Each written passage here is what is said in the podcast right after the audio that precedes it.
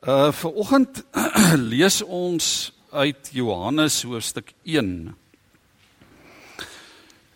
Johannes 1 vanaf vers 1. In die begin was die woord daar en die woord was by God en die woord was self God. Hy was reeds in die begin by God. Alles het deur hom tot stand gekom. Ja, nie 'n enkele ding wat bestaan het sonder hom tot stand gekom nie. In hom was daar lewe en die lewe was die lig vir die mense. Die lig skyn in die duisternis. Die duisternis kon dit nie uitdoof nie. Daar was 'n man wat deur God gestuur is. Sy naam was Johannes. Hy het gekom om te getuig. Hy moes getuig van die lig sodat almal deur hom tot geloof kon kom. Hy was self nie die lig nie, maar hy moes van die lig getuig. Die ware lig wat elke mens verlig, was aankom na die wêreld toe. Hy was in die wêreld, die wêreld het deur hom tot stand gekom. En tog het die wêreld hom nie erken nie. Hy het na sy eiendom toe gekom en tog het sy eie mense hom nie aangeneem nie. Maar aan almal wat hom aangeneem het, die wat in hom glo, het hy die reg gegee om kinders van God te word. Hulle is dit nie van nature nie, nie deur die drang van 'n mens of die besluit van 'n man nie, maar hulle is uit God gebore. Die woord het mens geword en onder ons kom woon. Ons het sy heerlikheid gesien, die heerlikheid wat hy as die enigste seun van die Vader het, vol genade en waarheid. Ons lees net tot sover. Ehm um, liewe gemeente, broers en susters, daar kan waarskynlik ver oggend verskillende redes wees hoekom ons hier is. Die redes hoekom ons gekom het kan verskil van persoon tot persoon of van gesin tot gesin. Ehm um, miskien is hier ver oggend iemand wat baie hou van Kersliedere en van die lekker saam sing dat dit vir jou spesiaal is om hier te wees om ook lekker saam te sing. Uh of jy het gekom vir 'n spesiale boodskap. Jy het 'n behoefte om die woord van die Here te hoor spesiaal vandag op Kersdag. Dalk is hier iemand wat vanoggend voel dis jou plig of jou verantwoordelikheid as Christen om die Kersdiens vandag by te woon. Dalk is dit julle gesin of familie se gewoonte, goeie gewoonte. 'n Goeie gebruik om spesifiek op Kersdag 25 Desember vroeg in die oggend op te staan, reg te maak en saam as gesin en familie kerk toe te kom.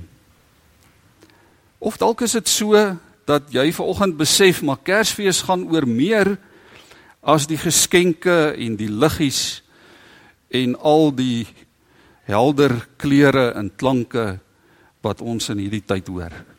Jy weet, dit gaan oor Jesus. En daarom het jy ver oggend gekom. Miskien is jy iemand ehm um, wat gekom het omdat jy 'n vreemde behoefte in jou hart het. Jy weet nie regtig wat dit is nie. Jy kan nie jou vinger lê op daai behoefte nie, maar jy weet ek moet hier wees. Ek moes net gekom het. Ek moes net hier gewees het ver oggend. Dalk sit jy hier met 'n leemte in jou hart met 'n stuk emosie. Miskien is hier iemand wat sit met 'n stuk verwardheid, 'n stuk onsekerheid, 'n bekommernis, 'n alleenheid. 'n gemis of dalk is dit 'n kombinasie van hierdie en en ook van ander redes. Maar hoe dit ook al is vir oggend, wat die rede mag wees hoekom jy en ek hier is, die Here God is verskriklik bly oor elkeen van ons. Die Here is verskriklik bly oor jou wat ver oggend gekom het. En die belangrike vraag vir môre is watter betekenis Um en nou sluit ek 'n bietjie aan by by eergister by Sondag. Watter watter betekenis het die geboorte van Jesus 'n kindjie in 'n in 'n krib in 'n stal in die klein dorpie Bethlehem wat 2000 jaar gelede gebore is. Wat het wat 'n betekenis het dit vir jou en vir my vandag hier en nou in hierdie tyd waarin ons leef in die wêreld waarvan ons deel is in hierdie dorp waar ons bly daar waar elkeen van van julle vandaan kom. Wat 'n impak het Kersfees op my lewe van elke dag? Hoe beïnvloed dit my lewe? En nou ehm um, dit was nogal interessant gisterand toe ons uh, by die huis nadat of voordat die geskenkies nou uitgedeel word uit die Bybel uit lees, toe lees Franco vir ons en hy vra toe vir my wat moet ek lees? En ek sê vir hom ek dink lees Johannes 1 en dadelik vra hy maar hoekom Johannes 1 en van die ander het ook gevra hoekom Johannes 1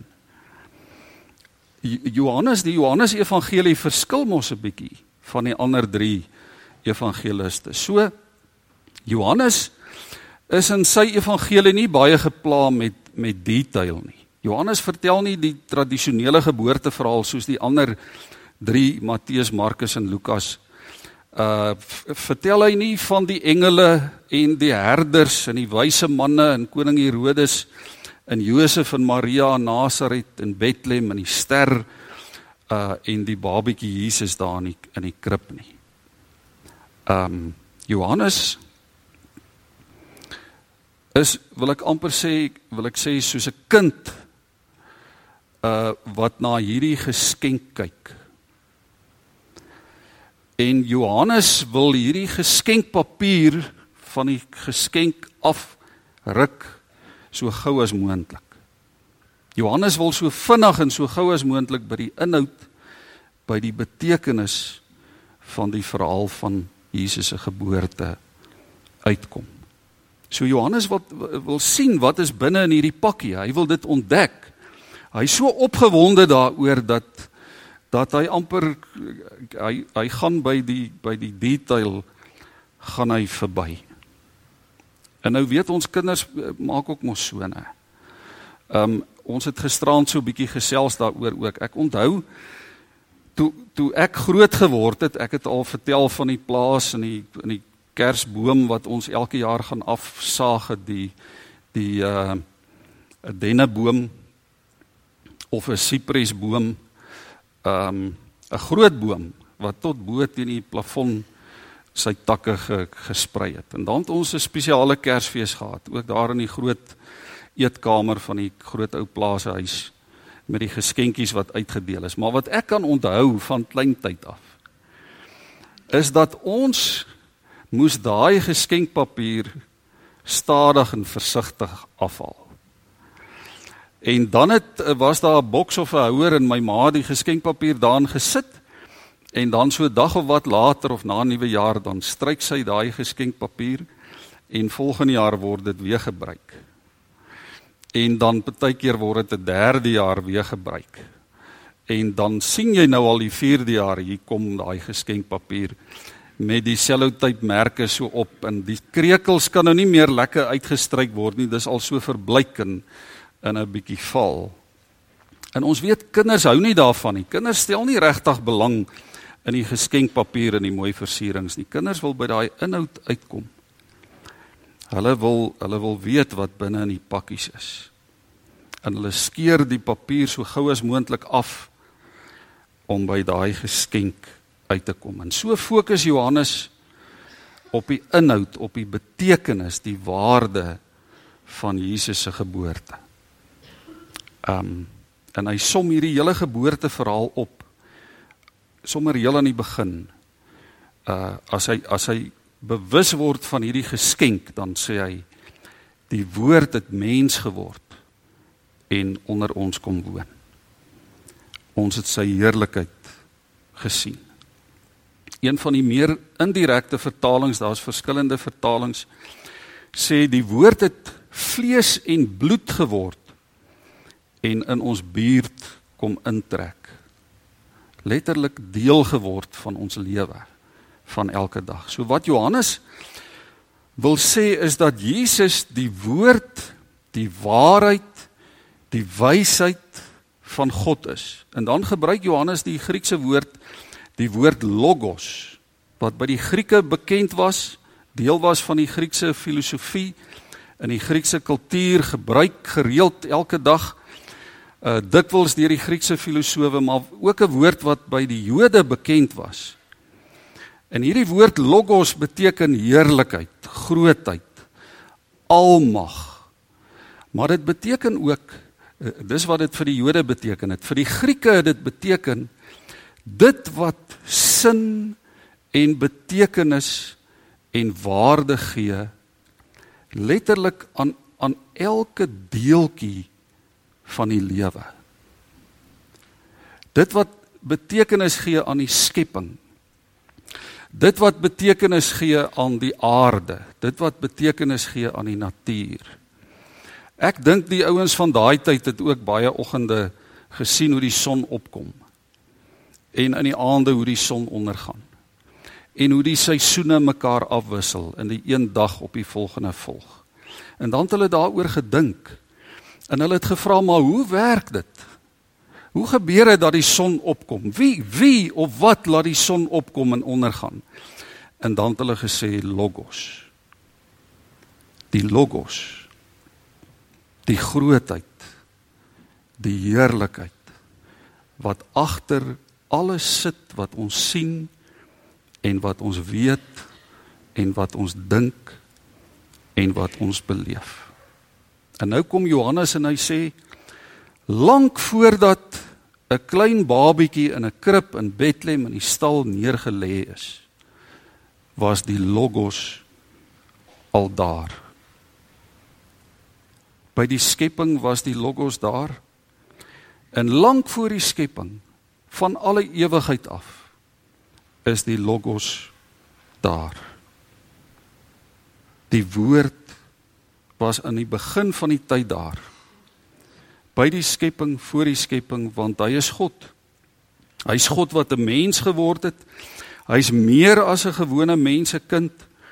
Hy's God wat aarde toe gekom het. Hy's God wat gekom het om tussen ons te leef, om saam met ons te loop, om die ups en downs van die lewe te beleef wat ons ook beleef. Dieselfde versoekings, dieselfde hartseer, ja om selfs 'n gruweldood aan die kruis te sterf.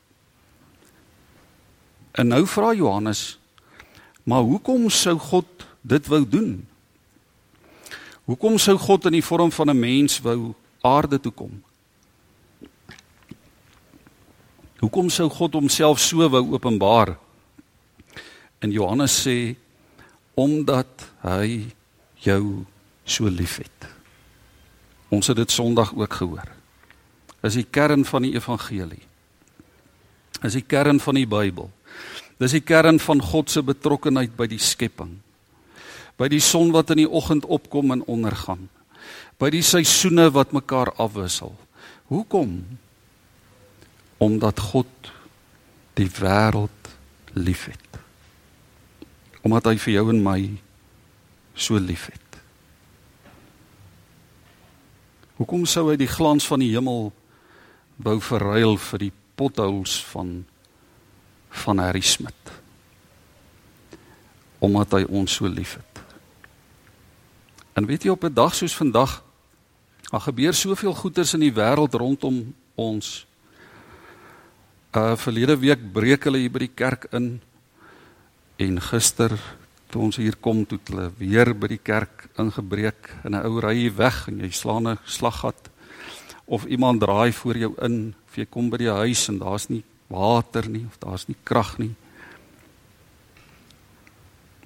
Kersfees wil vir ons tot stilstand laat kom.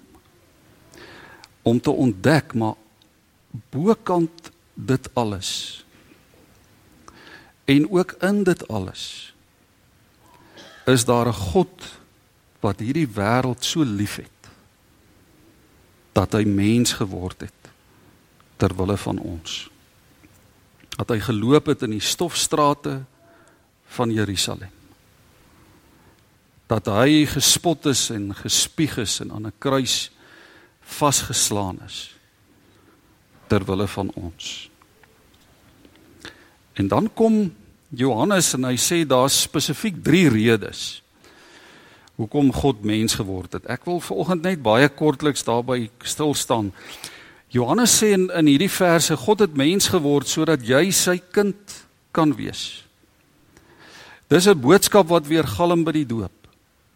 God het mens geword sodat ons sy kinders kan wees. Vers 12 sê: "Maar aan almal wat hom aangeneem het, die wat in hom glo, het hy die reg gegee om kinders van God te word." Ons het dit gesing ook ver oggend. En dis God se begeerte vir elke mens op hierdie aarde dat jy deur sy gees, deur geloof in Jesus sy kind kan wees. En as jy in hom glo, sê die evangelie, die boodskap wat ons so goed ken, dan neem hy jou aan as sy kind. Dan maak hy jou deel van sy familie. Dan sê hy niks kan jou uit my hande uitruk nie. Ook nie die teleurstellings, die ontnigterings, die hartseer, die verliese van die lewe nie. Die woord het mens geword. Hoekom is Jesus gebore? Hoekom hou ons Kersfees? Hoekom gee ons geskenke vir mekaar? Sodat en omdat God vir ons die reg gegee het om sy kinders te wees. Ons mag fees vier op Kersfees. Ons mag vir die wêreld wys ons is bly en ons is vrolik. Maar dan op so 'n manier dat ons God daardeur verheerlik sodat jy en ek uiteindelik deel kan kry aan die ware lewe. En dis ook die tweede gedagte. Johannes sê die woord het mens geword en in vers 4 sê hy in hom was daar lewe. So die ganse skepping se skepper, die grootte God, die almagtige kom na hierdie aarde toe om weer vir ons lewe te bring. En as ons dink oor oor die Grieke en die Jode se begrip van die woord, die logos, en ons dink aan die skepping en ons dink daaraan dat God aan die begin alles gemaak het, dat God lewe gegee het. Genesis sê God het lewe geblaas in die natuur. Hy het lewe geblaas in die skepping, hy het lewe geblaas in die mens sodat die mense lewende wese geword het. Ook sy gees vir ons gegee sodat die mens tot eer van God kom lewe, dan maak dit sin dat Johannes sê maar die woord wat by die skepping daar was, wat lewe gegee het, het weer na hierdie aarde toe gekom. In hom was daar lewe. In hom was daar lewe. Weet jy, dis dis 'n boodskap wat ons moet uitdra ons hier uitgaan 'n wêreld tegemoet wat baie keer vir ons leweloos lyk en leweloos voel wat soms vir ons voel maar goeders maak nie sin nie. Dinge kom nie by mekaar uit nie. In hom is daar lewe. In Jesus is daar lewe. Die skepper van die ganse heelal wat lewe gegee het aan die aarde kom as mens om weer vir ons lewe te bring. En as ons Johannes lees gaan vanaand of in hierdie tyd die week wat voorlê en gaan gaan lees die Johannes Evangelie. Hierdie tema van lewe loop dwars deur die Johannes Evangelie. Dat Jesus gekom het sodat ons kan lewe. Johannes sluit sy evangelie af ook aan die einde in Johannes 20 vers 31 sê hy dit is alles geskryf sodat julle kan glo dat Jesus die Christus is, die seun van God en dat julle deur te glo in sy naam die ewige lewe kan hê. Oneindig. Sy begin eindeloos en 'n lewe saam met hom in die toekoms eindeloos. En God wil dit vir ons gee. 'n Ewige lewe saam met hom in die hemel. Nou en hier op hierdie aarde as ons hier uitstap Kersdag 2018 en elke dag daarna. As 2019 begin 1 Januarie, die 2de, die 3de, soos wat jou lewe verloop. In Johannes 10 vers 10 sê Jesus, ek het gekom sodat jy die lewe kan hê en dit in oorvloed. En dan die derde gedagte. Ehm um, Dominee Kosie van die Gereformeerde Kerk het nou die oggend lank hier by stil gestaan. Hy het mens geword sodat jy lig kan hê in jou donker. Sodat ons lig kan hê in ons duisternis. Vers 4 en 5. In hom was daar lewe en die lewe was die lig vir die mense. Die lig skyn in die duisternis. Die duisternis kon dit nie oorweldig nie. Kon dit nie uitdoof nie. Dalk wil ons dit nie vanoggend hoor nie. Of dalk hoor ons dit, maar ons erken dit nie. Dat die wêreld in duisternis is nie. En broers en susters, ons wêreld is donker omdat mense die duisternis kies bo die lig. Mense maak slegte keuses. Mense sê dwaase dinge. Mense doen dwaase goed. En God sê daar's net een manier om donker en onheil en sonde en duisternis in ons lewens te verban uit ons lewens uit uit ons gemeenskap uit uit ons dorp uit uit ons land uit. En dit is deur die lig. Deur Jesus die woord wat mens geword het.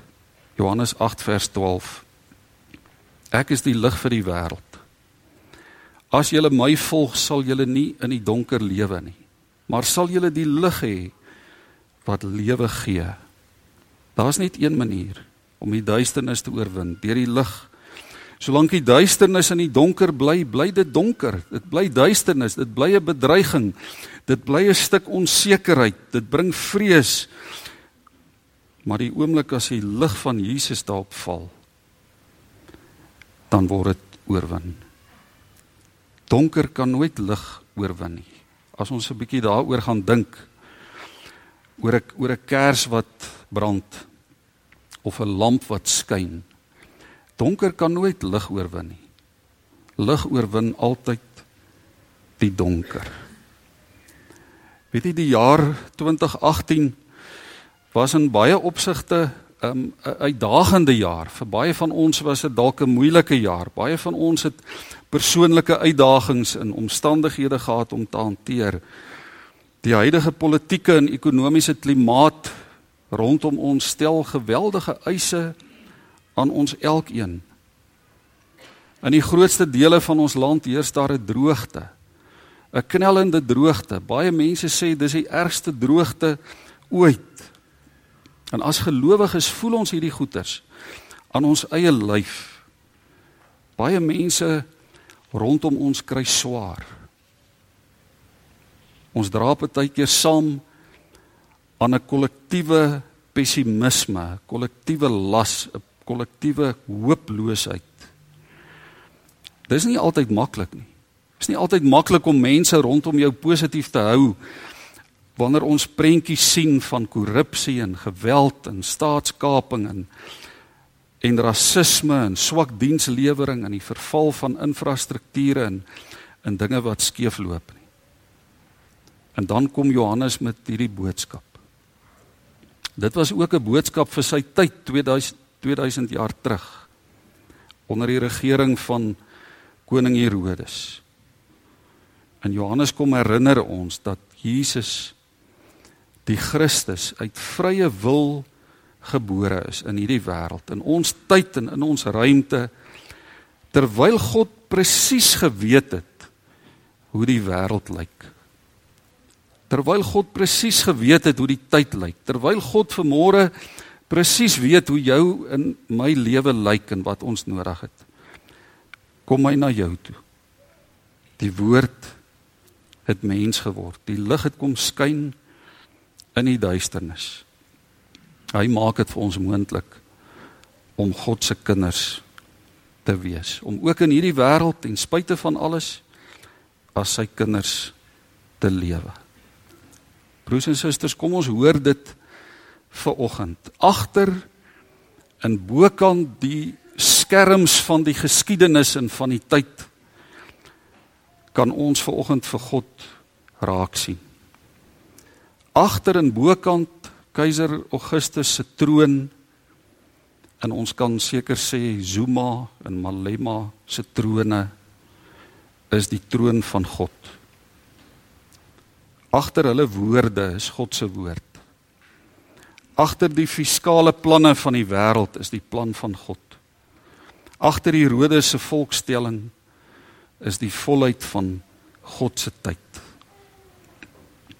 Dalk voel dit vir jou jou lewe verloop so op 'n horisontale vlak dat jy vasgeketting is in die geslote skakels van die tyd en van die geskiedenis.